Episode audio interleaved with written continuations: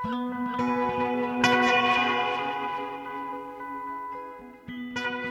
og sæl, kæru lustendur.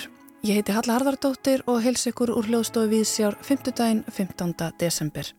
Í þætti dagsins skáldatal gegn gangi leiksins, jólinn koma á pólsku og list á stríðstímum. Hvæða hver Jóhannesar úr köllum, jólinn koma, er komið út í fyrsta sinn á pólsku í þýðingu Nínu Smísek. En 90 ár eru nú liðin frá fyrstu útgafu bókarinnar.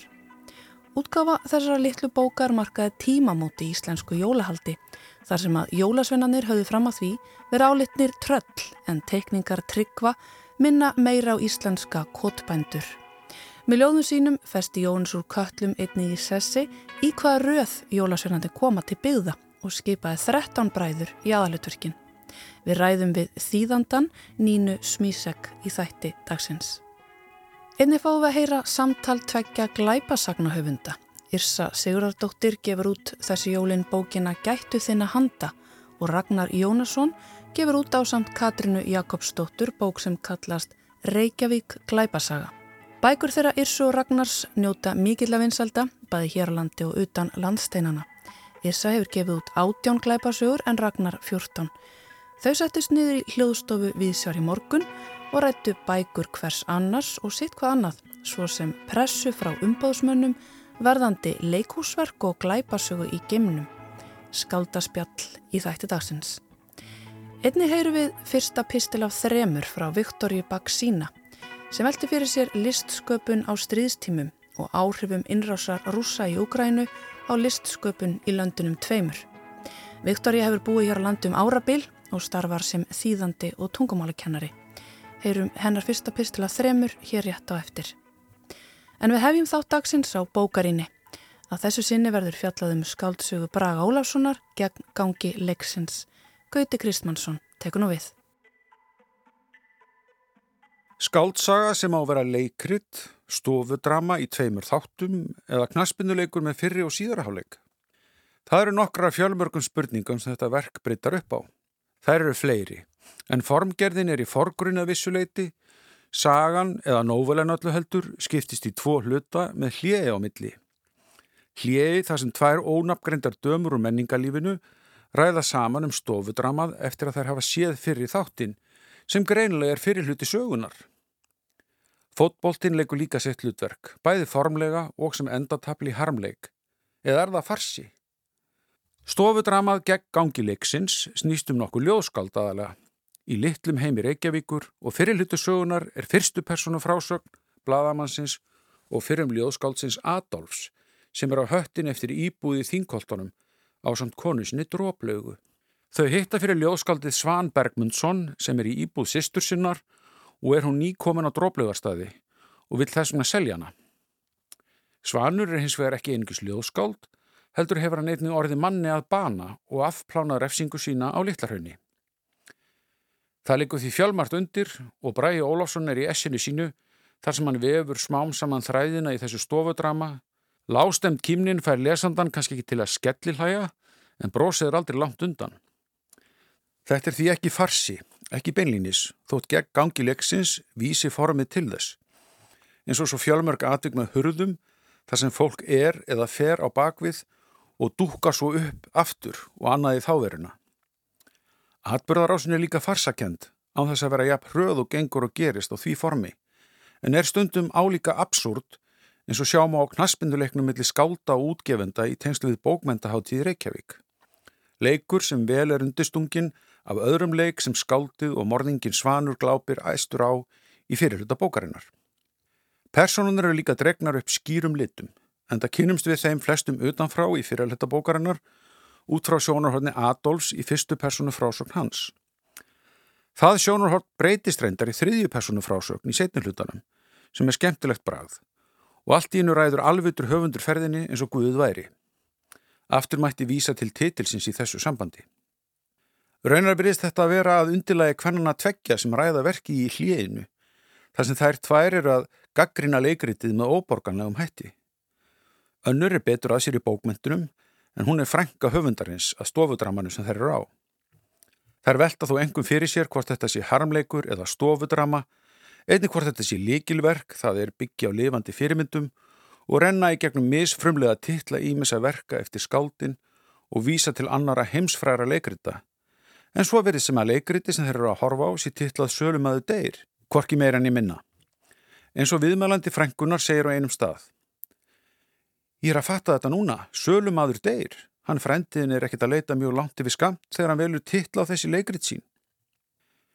Titlar á skáldverkum er einmitt bráðskondi þema í bókinni og drýpur írónían af hverju orði í þeirri umræðu. Titill bókarinnar er í sjálfu sér besta dæmið um það. Umræða þeirrum formin er líka bráð skemmtileg, að mest okkosti fyrir bókmyndafræðinga og það er líka veld upp hvort það sem við erum að lesa sé harmleikur eða ekki. En höfundurinn undistrykka það þegar í upphafi með engunar orðum frá hennum umdelda Louis Ferdinand Céline. Rítöfundar eru sífælt að leita harmleiknum á þess að finna hann. Þeir rifi upp einhverjar persónulega sögur en þær er ekki harmleikur. En sagan lýsi nú samt harmleik, mannlegum harmleik, sem í endurtekningu sinni verist jáfnvel marka svan þeim örlaga galla sem trakískar hetjur eiga hafa forminu sangkvæmt. Samtímis er það einhvern veginn hlálegt, farsakent, dálitið anda fleira orða Karls Marx um að sagan endurtæki sig fyrst sem harmleikur og síðan sem farsi. Formsins vegna held ég er meiri sér skotið inn skoplegu atrið í harmleikin, svona dálítið eins og innræði dýravararins í Macbeth. Næma í þessu tilfelli segir önnur af dömunum ofangreindu brandara til að stitta þeim stöllum stundir yfir rósamínsglasi í hliðinu. Óhætt er að segja að þessi brandari sé farsakendur og um leið hlaðin íroníu samtímanum. Hann er það sem kalla má vandraðarlega fyndin. Bræi Ólafsson hefur líka gríðalegt vald á slíkri fyndni. Ég vil mætti segja að hann sé fremstur meðal jafningi á þessu sviði.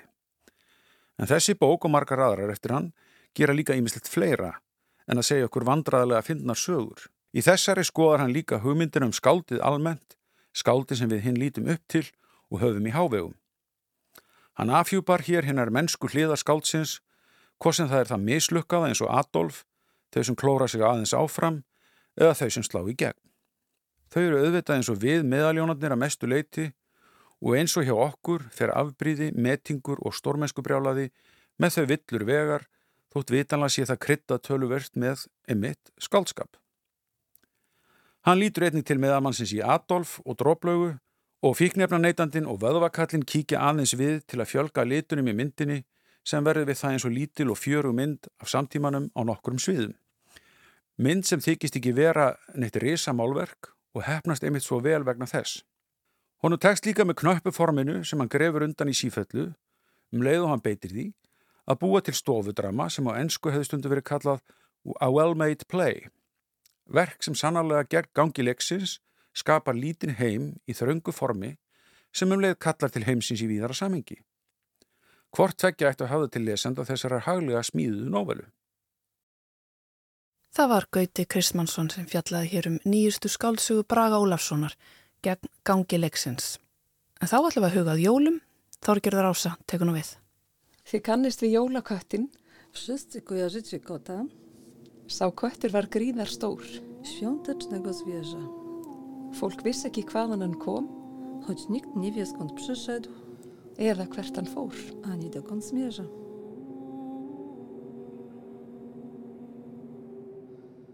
Ani dokąd zmierza. Nýtjú ár er nú liðin frá fyrstu útgáfu kvæðakvers Jóhannesur úr köllum, Jólinn koma.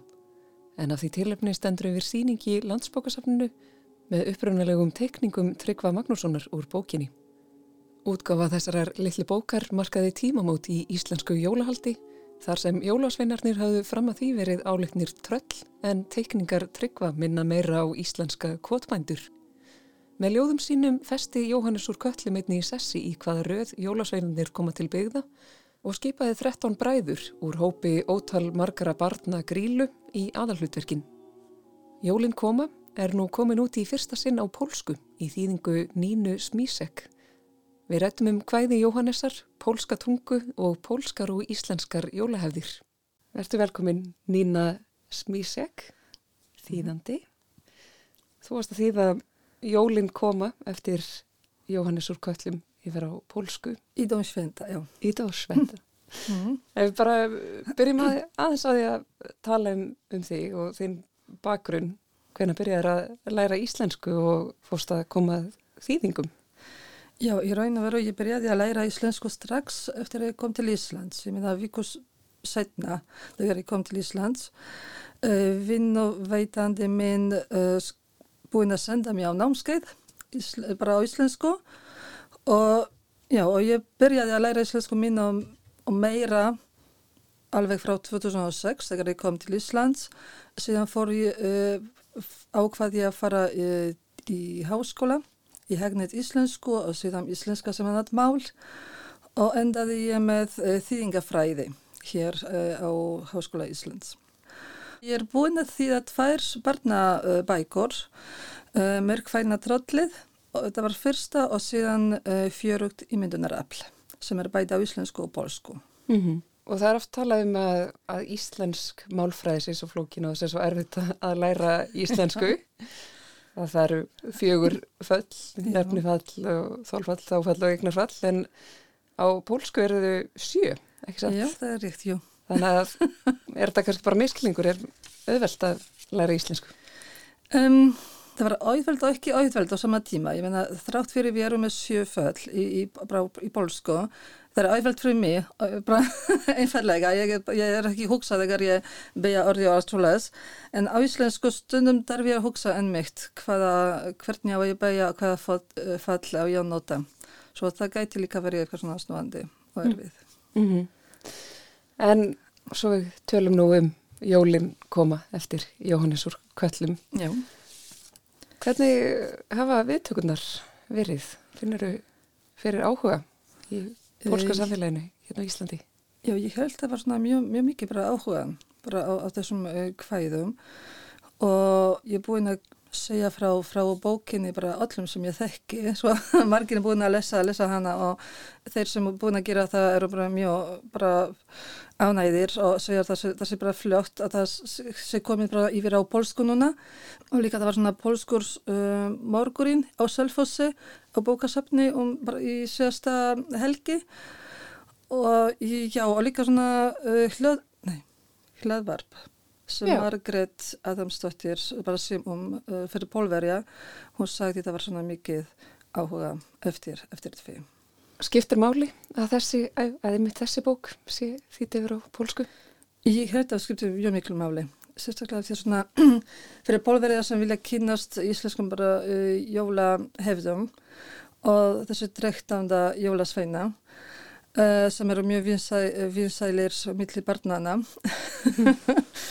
og uh, já, ég held að skiptur miklu, mjög miklu máli til að skilja um hvað, hvað, ger, hvað gera uh, þeir uh, hvaðan það koma og hvers konar manneskjur eða, já, mm -hmm. þeir eru. Ja, við tölum aðeins um ljóðin sjálf. þá eru þau afskaplega svona först í formi þegar kemur að rými og stöðlasetningu. Já. Hvernig, hvernig gekk að laga það að pólsku?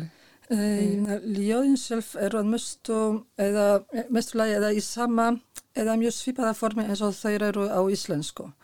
Ég reyndi að hafa þetta svona sama form en það eina sem ég þurfti að finna var svona þessi enda, endarím mm -hmm. sem myndi gera ljóðin svona uh, hrinjandi sem myndi allt bara stúrlega saman. En já, það var svona mesta áskorum fyrir mig að finna já. sem myndi passa. Einmitt.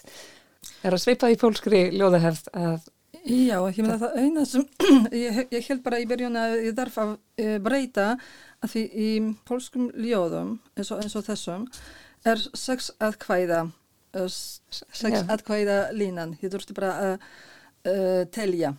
Ég reyndi að gera það svona fyrst að hafa svona sex aðkvæða hvers línu. Einmitt en ég er búin að tala við um, Jacek Godek. Hann er pólskur þýðandi líka uh, af íslenskum bókmyndum og við tökum ákvarðum að hafa þetta eins og Jóhannes gerði sko að mestu leiti, sko við vorum ekki að breyta hluti mikið, en eh, ljóðin núna, uh, ljóðin eru hrinjandi, það er svona hljómar vel. Mm -hmm. svo ég, ég held að það er smáða mjög, mjög gott. Einmitt. Er hægt að syngja pólsku tekstana við lögin sem eru til við þessi kvæði? Hefur þú prófað það? Nei, nei, nei, ég, þetta er góð hugmynd, nei, ég, ég hef ekki prófað það. Eins og hún Björg gerði, er það ekki? Hún, Jú. hún var að syngja jólakóttinu mitt. Jú.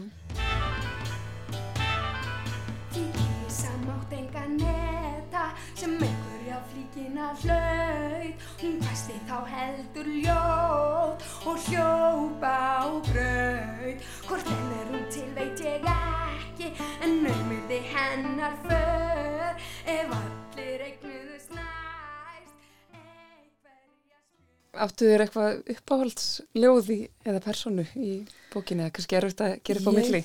Ég held, ég meina, en þessi jólakötturinn, Mhm. ég finnst hann frábær, bara gæludýr. það er að, og líka grilla, það er svo skrítið, en já, mér finnst hún, hún líka eitthvað áhugavert. Hvað heitir gríla á pólsku? Líka grilla. Já, Af því ég held, ég, ég ákvaða að hafa svona sama, sama nafn af henni á leppalúða af því allir bara vita hver, uh, hver grilla er. Ef ég myndi finna annan nafn, það kannski verður eitthvað svona pínu um, ruglandi.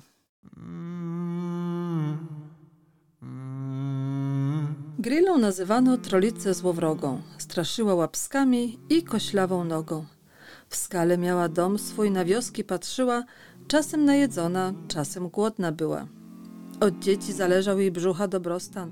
Czy miała dość jadła, by włożyć... Grýla ég tröllgerling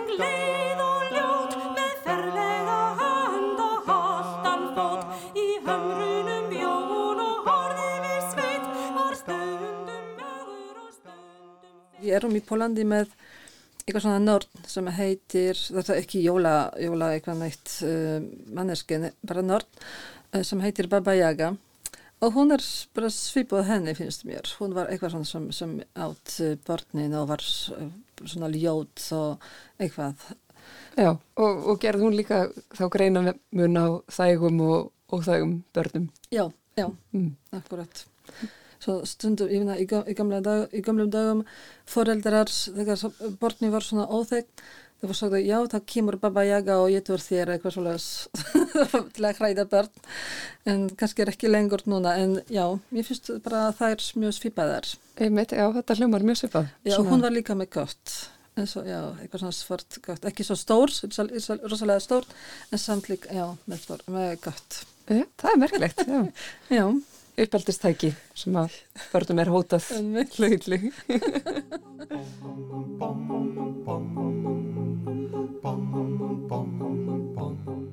Wychudzona grilla na łóżko runęła i po dwóch tygodniach snem wiecznym zasnęła. Przy jej łóżku czuwał lep paludy grzeczny, lecz już wkrótce i jego zmorzył był sen wieczny. Þeir jólasveinar nefndust, um jólin byrtust þeir og einn og einn þeir konu, en aldrei tveir. Pierwszy zwał się Szczudłak, bardzo sztywna sztuka. Zakradał się do owczarni, by owce oszukać. kom fyrstur stinnur eins og tre Hann laumaðist í fjárhúsin og lék á bóndans fé Hann vildi sjúa á Og er sama með jólasveinina. Nei, ég er búin að finna nýjan nöfn fyrir jólasvinnana uh, af því það er erfið fyrir uh, krakkana eða, eða foreldra þeirra að því, uh, s- bera fram Einmitt. nöfni, nöfni þeirra en uh, já, ég fann eitthvað svona sérstökt nöfn fyrir jólasvinnana. Einmitt. Og náttúrulega nöfnin þeirra bera svolítið með sér þeirra enkenni. Já, þau, eru svona mjög lýsandi. Akkurat. En uh, getur þú sagt aðeins frá svona pólskum jólahefðum og er, er mögulega eitthvað samræmi þarna milli?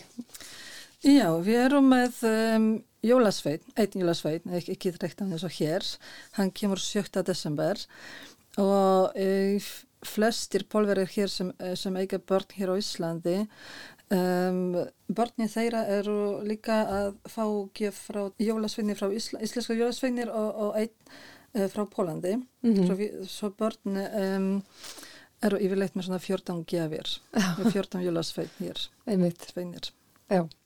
Og líka, ég ég meina, jólaheft í Pólandi, um, er uh, polsk í laufabrauð, eitthvað svoleiðis, sem við erum uh, að deila milli okkar áður en við byrjum að borða um, bara kvöldmat í átfanga, átfangadegi. Og þá oskum við bara uh, það sem best af hvort, hvort öðrum.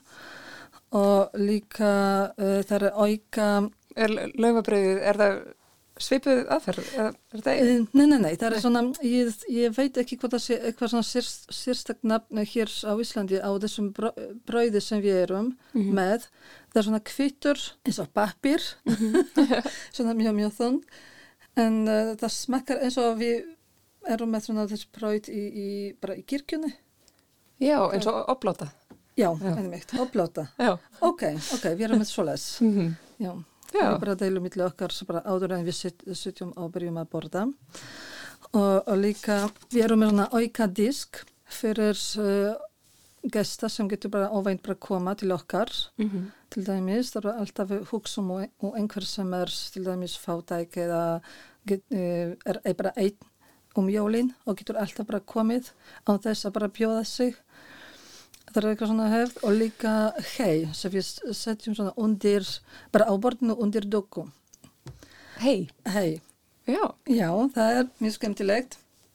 Og það vísar til hei sem var í Betlehem. En sem mér segir að uh, ef við setjum svona hei á borðið þá myndum við vera svona ekki fátækir á næstu ári. Myndum við hafa svona penning Já. næsta ár. Það myndi, já. Og um, hvað meira.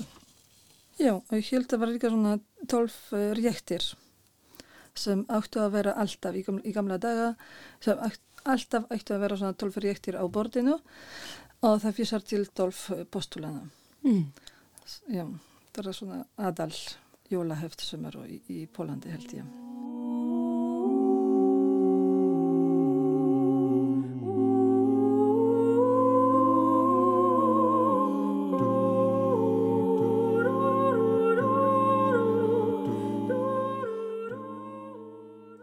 Þetta eru áhugaverðir karakterar, þessir jólasveinar og stundum erfitt að átta sig á því hvort þeir séu góðir eða vondir. Einmitt. Hvernig upplifa þínir lesendur þetta? Eh, Frekar sem góðir karakterar held ég, bara skemmtilegir, bara finn, finnir líka. Mm -hmm. Það er enginn, held ég, sem myndi bara vera hrætt til að hitta uh, þá. Þrátt fyrir að hafa lesið bókina. Já, já, það er ekkert svona hrætilegt svona í, í bókinni. En samt ég myndi ráðleggja að um, foreldrar myndi bara lesa bókina með uh, börnum sínum eða fyrir börn og útskýra sérstaklega út af uh, málinu. Það er ekki nútíma legt mál sem er notað í bókinni, bæði á íslensku og líka ég reyndi stundum að setja eitthvað svona orð sem eru ekki um, nútímalegt pólska, svo það væri gott fyrir foreldra að setjast saman og útskýra, reyna að útskýra börnunum. Sérstaklega fyrir þá börn sem eru uh, ennveikt bara búa erlendis, sem búa hér í, á Íslandi, af því uh, í, börn sem búa í Pólandi eru um, þau, læra í skólanum bara alls konar ljóð sem eru bara pólsk gömul ljóð, svo þau kunna slíkt orð. Mm. Einmitt.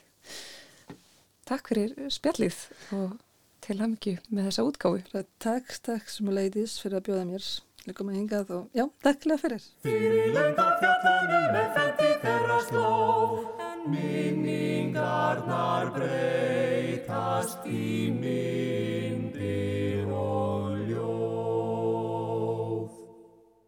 Þorgerður Ása Aðalstinsdóttir rætti hér við Nínu Smísek, þýðanda sem var að þýða Jólin koma eftir Jóhannes úr köllum á pólsku. Í einslæginu hljómaði tónlistaflutinni Jólavaka með kvartettinum Rúdolf og Jólakötturinn í flutningi Bjarkar. En þá er komið að vanga veltum Viktorju Baksína, þýðanda og tungumálakennara, um listsköpun á stríðstímum. Þetta er fyrsti pistill Viktorju af þremur sem mun í næstu pislum fjalla um það sem er að gerast á vettvangi listana í Rúslandi og Úkrænu.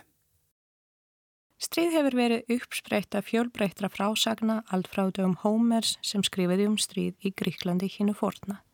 Þetta hefur ekki breyst í tímans rás þar sem stríð er óaskililegur hluti mannkynnssögunar. Stríð hefur alltaf endur speglast í líst og viðbröður lístarinnar við stríði hafa alltaf verið þau sömu og hafa tímavílum eða landi þær ákall um humanisma. Listin hefur alltaf reynd að sína hvaða áhrif stríð hefur á líf fólks. Einn hér reynd að persónu gera stríðið skapa myndlíkingu þess. Eitt af fyrstum málverkunum með sögu evrópskar málarlistar sem sínir stríðsáfull er De elste af dem galgen eða Skjórin á galganum eftir Pítur Brugel. Verkið var málað árið 1568, árið eftir að hertogin Fernando Alvarez de Toledo hófa bæla nýður hólensku uppreysnina. Hér virðist ekki vera neitt stríð, landslæðið er frýtsælt, bændur skemta sér, gefa engar gögum að tómum galga. Þetta er auðvitað ekki sálfræðileg rannsókna á skeitingarleysi gagnvart ofbeldi heldur aligória, en af þrautarmyndum brúgels og algeng byrtingamind af skjónum sem slúðurbera og þar af leiðandi uppljóstrara sem undirbyr jarðveg fyrir ógnvaldin. Gálgin hér líkist ömugulegri fígúru á borð við Penrose þrýhyrningin sem endur raðar rúmfræði heimsins og skapar gat í miðju hans. Atbyrðin er að morgni 24. februar breyttu heiminum þar sem öllu því sem hafði þótt merkilegt var skendilega hend ofan í þetta gat. Þegar flóð hrylliregra frétta streymdi ín breytist forgangsröðin. Listamenn horfða á hryllinginu þessu stríði á 21. öld á tölvuskjáum sínum og margir spurðu spurningar sem ekki hafi bórið á góma í evrópsku hverdagslífi lengi sem nú hljómar nánans eins og úreld tilgáta. Hvert er hlutverk listar í stríði? Stríði skapar eitthvað sem fer út fyrir mannlegan skilning, faranleiki þess fer fram úr skinsamlegri réttlætingu. Við þessar aðstæður er enn hægt að tala um skildu listamanns en skildan hér er ekki fólginni því að finna einhverja frumspekilega merkingu fyrir það sem er að gerast, fletta hana einu frásagnir eða setja hana í svipmesta fagurfræðilegt samhengi. Skilda listamannsins er aðeins að skrásetja allt eins og það var, af ástriðuleysi, ábyrgt og áreidanleika. Það búið til aðnála sem næsta kynnslóð nótar eftir vill í heimildarmynd eftir nokkra áratöyu.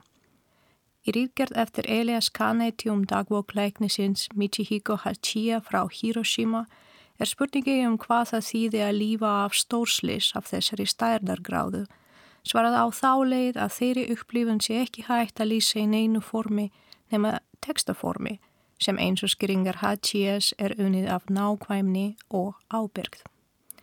Á þeim tíu mánuðum sem eru síðan stríð hófst hafa yfir 15.000 þáttakendur í mótmælum gegin stríðinu verið í haldi í Rúslandi.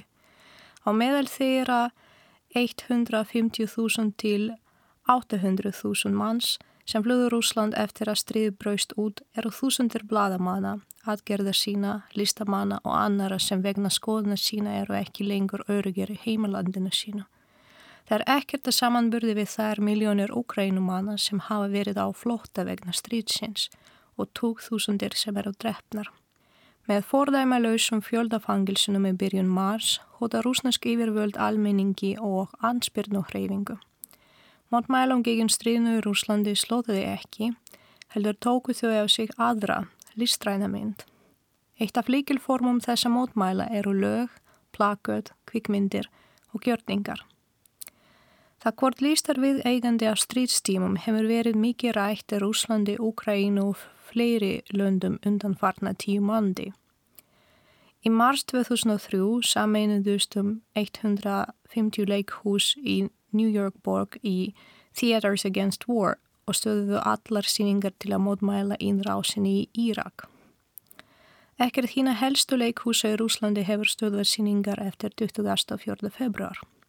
Það skiptir máli að byrja á öðru miklu mikilvægara þema sem hefur verið að hrærast innra með listfræðingum og aktivistum í áratöy. Getur list haft áhrif á það sem gerist og líka er list fær um að stöðva stríð, leiða listaverkið að gjörningan til breytinga í samfélagi. Þessi spurning vísar til gagsemi listarinnar sem er helsta vandamál nýfrjálshyggju stjórna sem benda stöðu á hvernig allt getur verið til gangs. Kapitalismi feðraveldið er hana þannig að innan þeirra er liststarfsemi álítinn sem eitthvað leittvægt í samanbörðu við pólitíska, efnahagslega eða hernaðarlega starfsemi.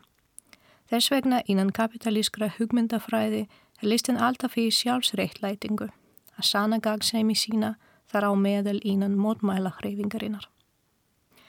Gjörninga og listaraktivismi getur gert fólk rótækara í mismiklu mæli, hjálpa við að taka upp listar akvardanir, vakja og efl áhrif og skapað einig snertipunkta milli hópa sem knýja áhrifin áfram. Og í þessum skilningi er að lýst náttúrulega hluti af hreyfingu í átt að félagslegum breytingum. Stríð er ekki einsleitt, eins og við sjáum í nútíma rúsneskum stjórnmálum, leita aðgerðir og aðgerðileysi ímins aðila smám saman til þess að stríð verður mögulegt. Þetta er sameinlegt ádagt allra. Einíkt eru mótmælinn gegn stríðinu sameinlegt ádag ólíkra aðila þar á meðal lístarmennirnir. Hinn sorglega spurningum áhrif lístar á heiminn eru raunspurningin um hvort lístinn takir þátt í stjórnmálum til japs við aðra. Því mýður í Rúslandi sem á í Úkræna og í mörgum öðrum löndum er þetta enn ópin umræða. Hinga til skilur mening sig viða frá pólitík. Þetta er dapurlega afleiðing af valdaráni yfirst þetta hópa og fyringu almennra borgara við ástandið. Listin vekur ága fólk samtímis á mörgum mismunandi stígum. Listin getur breytt hugarfari fólks, byggt brýr til að aðskilja reynslu heima og, með margvíslegum tólkunum, stuðla að sína á veruleikan. Það er líka hægt að ná til breyðs marghóps, sérstaklega þar sem margar stofnarnir fara nú með listaverkefni á ópinnbæra staði. Öll hernaðar átök, jáfnveil þótt þau eigi sér staði í afskektari heimslutum, verðskulda einbeikta og viðvarandi aðlili almennings sem hvaði fyrir pólitíska viðleitni til að leysa þessi átök. List, listamönnum og listastofnunum er skild að gefa samfélagslega mikilvægum málum göm. List getur ekki komið í veg fyrir eða bundi enda á stríð en hún hefur marga möguleika til að höfðu til fólks nátur þess á þann hátt sem engin annar mídill getur. Stríð ógildir allan gerfileika og tilraunir til að planta líkunum um við eigandi hegdunum gegnum réttar bækur eða myndir. Það virkar ekki þannig. Stríð hvetur okkur að skapa frásagnir sem eru enn óþektar. Í lístinni finnum við alltaf endur spegluna og veruleika samtímans. Líst sem fættist í stríðinu mun tala fyrir okkur lengur en við lífum. Þess vegna er verkefni lístamanna í dag að skrá allt, safna því saman á einn stað og koma því á framfæri til heimsins.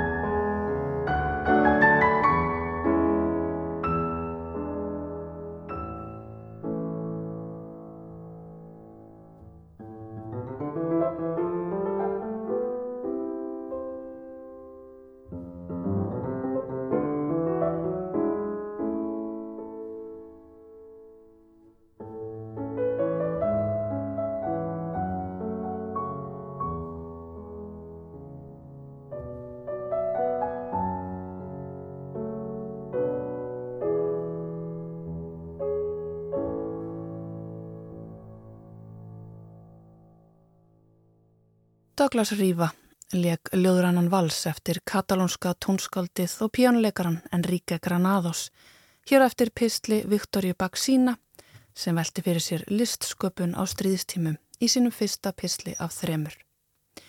Enrique Granados var vinsalt tónskald í upphafi síðustu aldar og ferðaðist með verkin sín vítt og breytt um Evrópu og til bandaríkjana. Í miðri heimstyrjöld árið 1916 var Granados statur í New York við flutning á óperu en svo höfðu örlegin því þannig að hann mista af skipinu heim til Spánar. Þessi stað sildan til Breitlands þaðan sem hann tók ferju yfir til Fraklands. Á fersin yfir Ermasundið hafiði þýskur kafbátur ferjuna með þeim afleðingum að stór hluti áhafnarinnar ljast þar á meðal Granados og eiginkona hans sem letu eftir sig sex börn sem byðu þeirra heima. Eina mörgum errittlingssögum stríðsins. Í sínum næsta pistli mun Viktoria Baksína fjalla um viðbröðu listamanna í Rúslandi og Úkrænu frá því að stríðið hófst í februar á þessu ári. En við heldum áfram við þáttinn. Það er komið að skáldatali. Yrsa Sigurardóttir gefur út þessu jólin bókina Gættu þinna handa og Ragnar Jónasson gefur út ásamt Katrinu Jakobsdóttur bók sem kallast Reykjavík Glæpasaga. Reykjavík Glæpasaga er 14. Glæpasaga Ragnars en Gættu þinna handa er 18. Glæpasaga Yrsu sem jafnframt hefur gefið út sjö barnabækur. Bæði Yrsa og Ragnar eru feiki vinsælur höfundar bæði hér á landi og utan landsteinana Líkt og flesti ritthundar með nýjar bækur eru þau þessi dagrin mjög upptekinn við hinna á þessa bókaviðburði en þau gáðu sér tíma til að setjast niður í hljóðstofi viðsjár í morgun og ræða bækur hvers annars og við fengum að vera fluga á vegg. Sætlaragnar. Já, sæl. sæl. Einnilega til hafingi með nýju bókina. Sömulegði. Takk fyrir. Hún er frábær, bara alveg frábær og Já, bara ótrúlega hérna flott hvernig þér og Katinu tekst að skrifa þetta sem sko einn rött mér, mér fannst það að vera bara fyrir utan að bókin er ósala skemmtileg og spennandi og allt það, að þá fannst mér það svo velgerst og maður veldi verið sér sko hvernig farið að því að passa þetta sé ekki eins og sko tveir höfundar. Það var náttúrulega mjög meðvitað að reyna að passa upp á það. Við skiptum eins og á milli við náttúrulega settust fyrst niður og teiknum um hugmyndina og, og svona framviti sögunar og, og í rauninni alveg séðan bara niður á kabla þannig að þetta var eins og efnisifilitt hvað myndi gerast í hverjum kabla í östutum máli og svo skiptum við sér bara á millið okkar. Og, og ég ætla nú ekki að segja hver skrifaði hvað þetta var ekkit endilega kabla 1 og 2 þannig, ekki til skiptist þannig, þetta var meira svona hvað okkur langaði að gera hverju sinni. En, en síðan fórum við bara mjög vel yfir þetta hvort í öðru og reyndum svona láta tónin vera eins. Mér fannst það og okkur báðum fannst það mjög mikilvægt að það, væ, það væri ekkert eitthvað svona augli og skil á milli höfunda. Þannig að það er svona vonandi búið að blanda stíl og okkar, veist, orða forða eitthvað einn svona já, ná að blanda þessu svona skemmtilega saman Alveg klárlega og það, og er alveg samanlega sko það myndi virka það myndi skemma fyrir sögun ef maður væri alltaf að, að sko rökka úr einhverjum einum gýr í annan sko þannig að þetta hefur lukast alveg svakalega vel bara innlega til ham ekki með þetta Já, takk fyrir. Og var hún alveg, þú þægileg í, í saminu, hún Katrín? Fórsetsraðra? Já. Já, hún er alltaf frábær. Hún er, hérna, við erum góði vinnir og hún er mjög, hún er alltaf klár og hugmyndarík, þannig að það var mjög skemmtilegt að setjast með henni þegar hún var ekki á fundi með Boris Johnson eða Macron eitthvað staðar. Þá gátt hún kannski stundum sessnir í kaffi og þá gáttu við farið yfir hugmyndir og, og það var alltaf mjög gefandi og skemmtilegt og svo fórum við bara í sig hvort hodnið hún fór einhverju auðvitaðnarsferðir að hitta þessa leittóa og skrifaði í flugvillinni eða, eða veður tefta á flugvöllum eða eitthvað. Og svo kom, hittust við aftur og hún síndi mig það sem hún er skrifað og auðvut og þetta var, þetta var mjög skemmtilegt, það var ekkert það var eiginlega engin sérstakur ákveðningur nema, þú veist, kannski þegar bókin var tilbúin og við vorum að lesa hann yfir og lesa yfir próverkir og mér finnst það svo leiðilegt. Það, hérna, það drefur í mér sálina að lesa prófarkir og leiðir þetta að það, mér finnst miklu skemmtilega að búa til eitthvað nýtt. En mér langar alltaf miklu frekar að vera að gera eitthvað nýtt og leiði ykkur um öðrum að sjá um svona frágang. En þá hringdu nýmur sko, skammaði mig fyrir að vera ekki búin að klára sko, það er hérna að senda inn í næsta kapla, það var svona moment að fá svona skammir frá fórsættisraðara í síman Ég hef sagt að við áður sko, en ég var ofta að hugsa sko hvort það hefði verið svona, þú veist Ragnar, ég veit ekki með þig, skilur, en ég er fóstisræðara. Eða var ykkur ákveðingur ykkur að milli, þú veist, hvort hann hafi einhvern tíma nýtt sér þetta? Já, ég segi bara alltaf já. já. Það þýðir ekki það. En þetta er mynd sko með flugvöldir, þú veist, og, og, og svona yfirferð, bæðið við sem er flugvöldir, sko, ég gæti ekki skrifa í flugvöld og ég gæti ekki skrifa á flugvöldum. Bara því löður stígan á flugvöld, þá bara eins og eitthvað gerist bara í heilunum á mér og ég, ef ég kaup mesta ruslbók sem hefur verið gefin út sko síðust 50 árin, skilur, það er bókin Já. sem ég myndi sógast að á flugvelli. Já, ég er, sko, þess að ég get ekki gert, ég get ekki lesið bók í flugvel vegna þess að ég þarf að lesa bækur í einhverju umhverju sem er eitthvað fallegt og skemmtilegt, það þarf að vera út í sólinni á sumurinn, út í gardi eða, eða eitthvað undir teppi á jólunum. Þú veist, það þarf að vera eitthvað svona, eða eitthvað kaffihúsi og eitthvað falleg stemming, maður þarf að, sko, bækurnar sem maður les, maður tengir það svo mikið við hvar maður les þær og ég hef stundum lesið bækur í flugvélum og þær, þú veist, ég man þar alltaf sem bækurna sem ég læsi í flugvélum, ég finna lyktin af bensininu og hávaðan og eitthvað, það er aldrei góð minning. En það sem ég get og það gert er að ég get alveg auðvelda að skrifa það í flugvél. Þá er ég ekki að lesa og ekki að, þú veist, með einhverja bók sem maður vil svona, þú veist passa upp á heldur bara tölvuna og það er bara eins og vinna.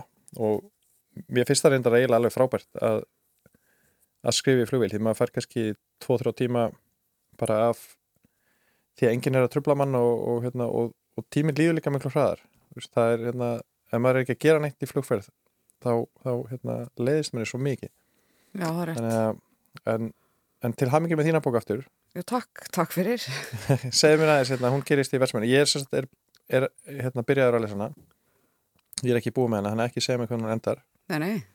En, en þetta, er þetta svona eitthvað leiti framhald frá því fyrra? Eða? Já, þetta er sko sem það sem ég er að vinna í núna þetta er bóknum 2 í fjara bókaserju og það sem ég sá fyrir mér sko þetta er, þetta er um þrjá svona rannsakandur og tvær, tvær lauruglur og annar annar lauruglumadurinn lauruglan heitir Týr og bókinni fyrra var um hann. Bókin núna er um Yðunni sem er réttalegnir og þriðja bókin á að vera um Karolínu sem er lauruglukona og svo fjörða bókin að vera svona þau alls saman og og ástæðan fyrir ég hafa þetta bara fjara bókaserju er bæðið að það er svona uh, saga sem að svona bó, flokkurum fjallarum sem skiptir í raun og verðingum málu, getur byrja hvernig sem er inn í bókaflokknum, þetta er mjög svona hæg framvindið því.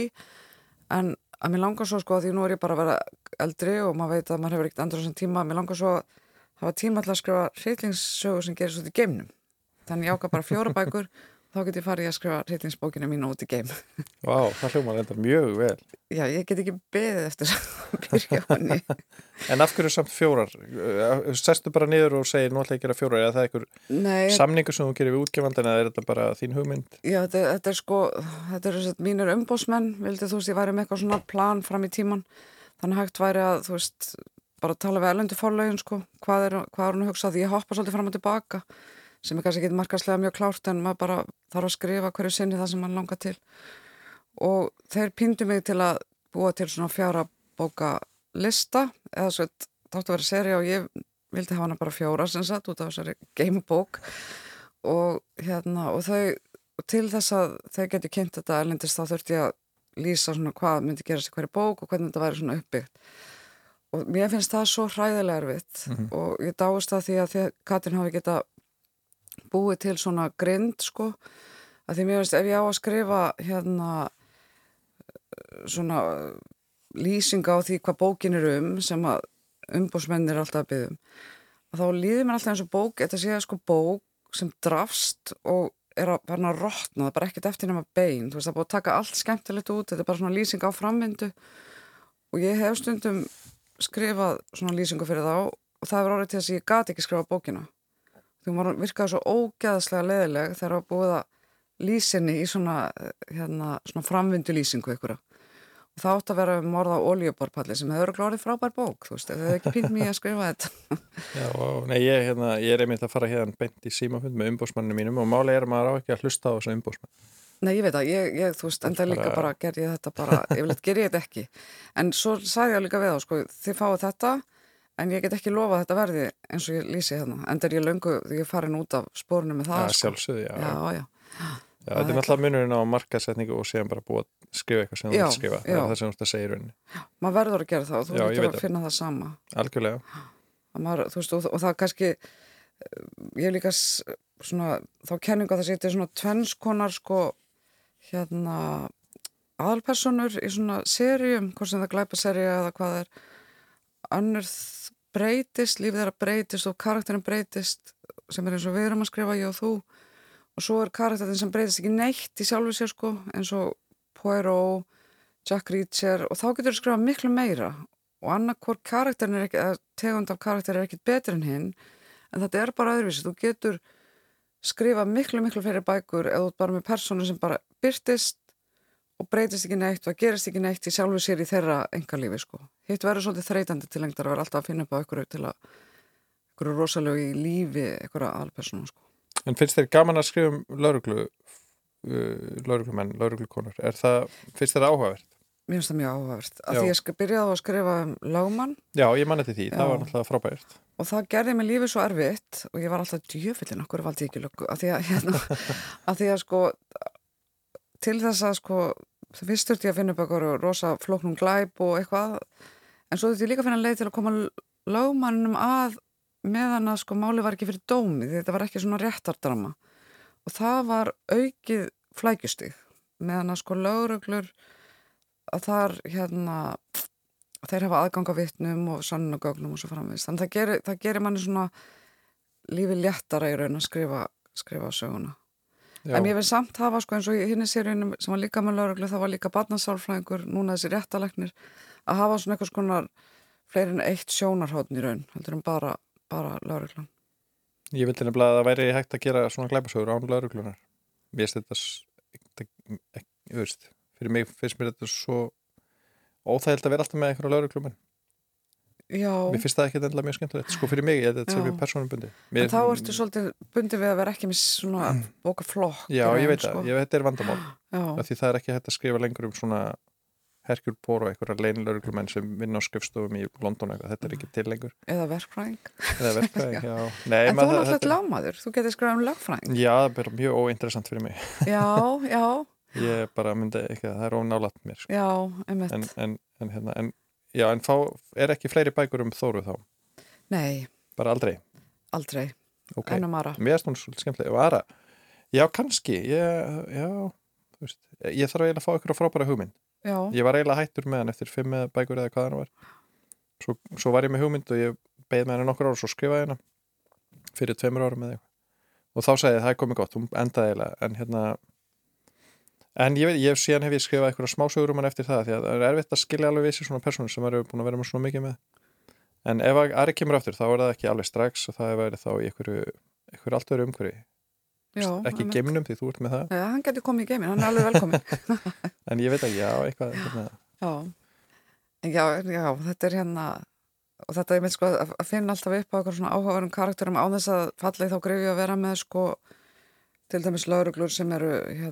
að að með svaka þunglindar og drikkveldar og maður þarf, að- maður þarf að hafa persónu þurfa að vera áhugaverðar, þurfa að standa frammi fyrir einhverjum áskorunum.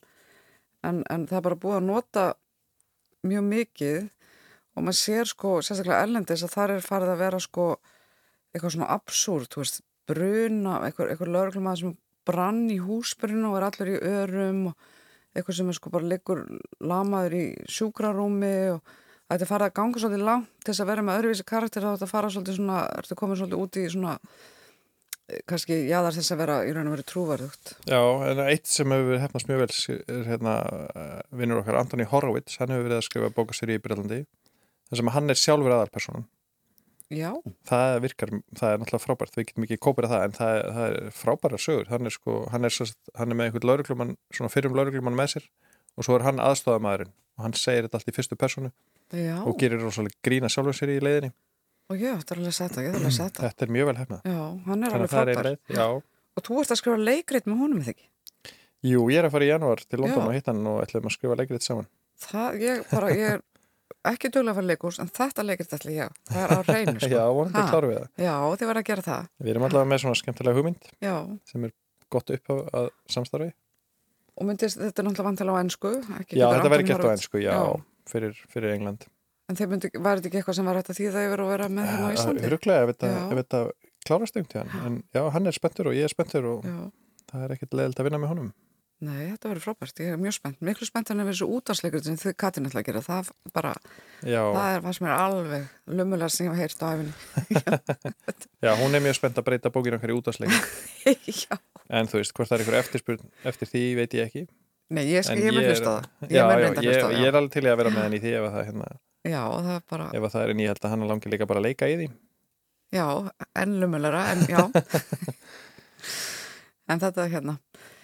En bara til, aftur til hamingju Ragnar með bókina og bara, þú veist, hún er frábær og ég er sérstaklega svegt yfir því að hérna, hafa þurft að lesa hana, sko, ég ætla að lesa hana sko yfir jólinn, en að því að hérna, við erum búin að vera svo mikið saman að, að á svona einhverju bóka stúsir ég þá hérna varði að lesa hana fyrir, en, en ég vildi óskast að sé eftir hann eftir.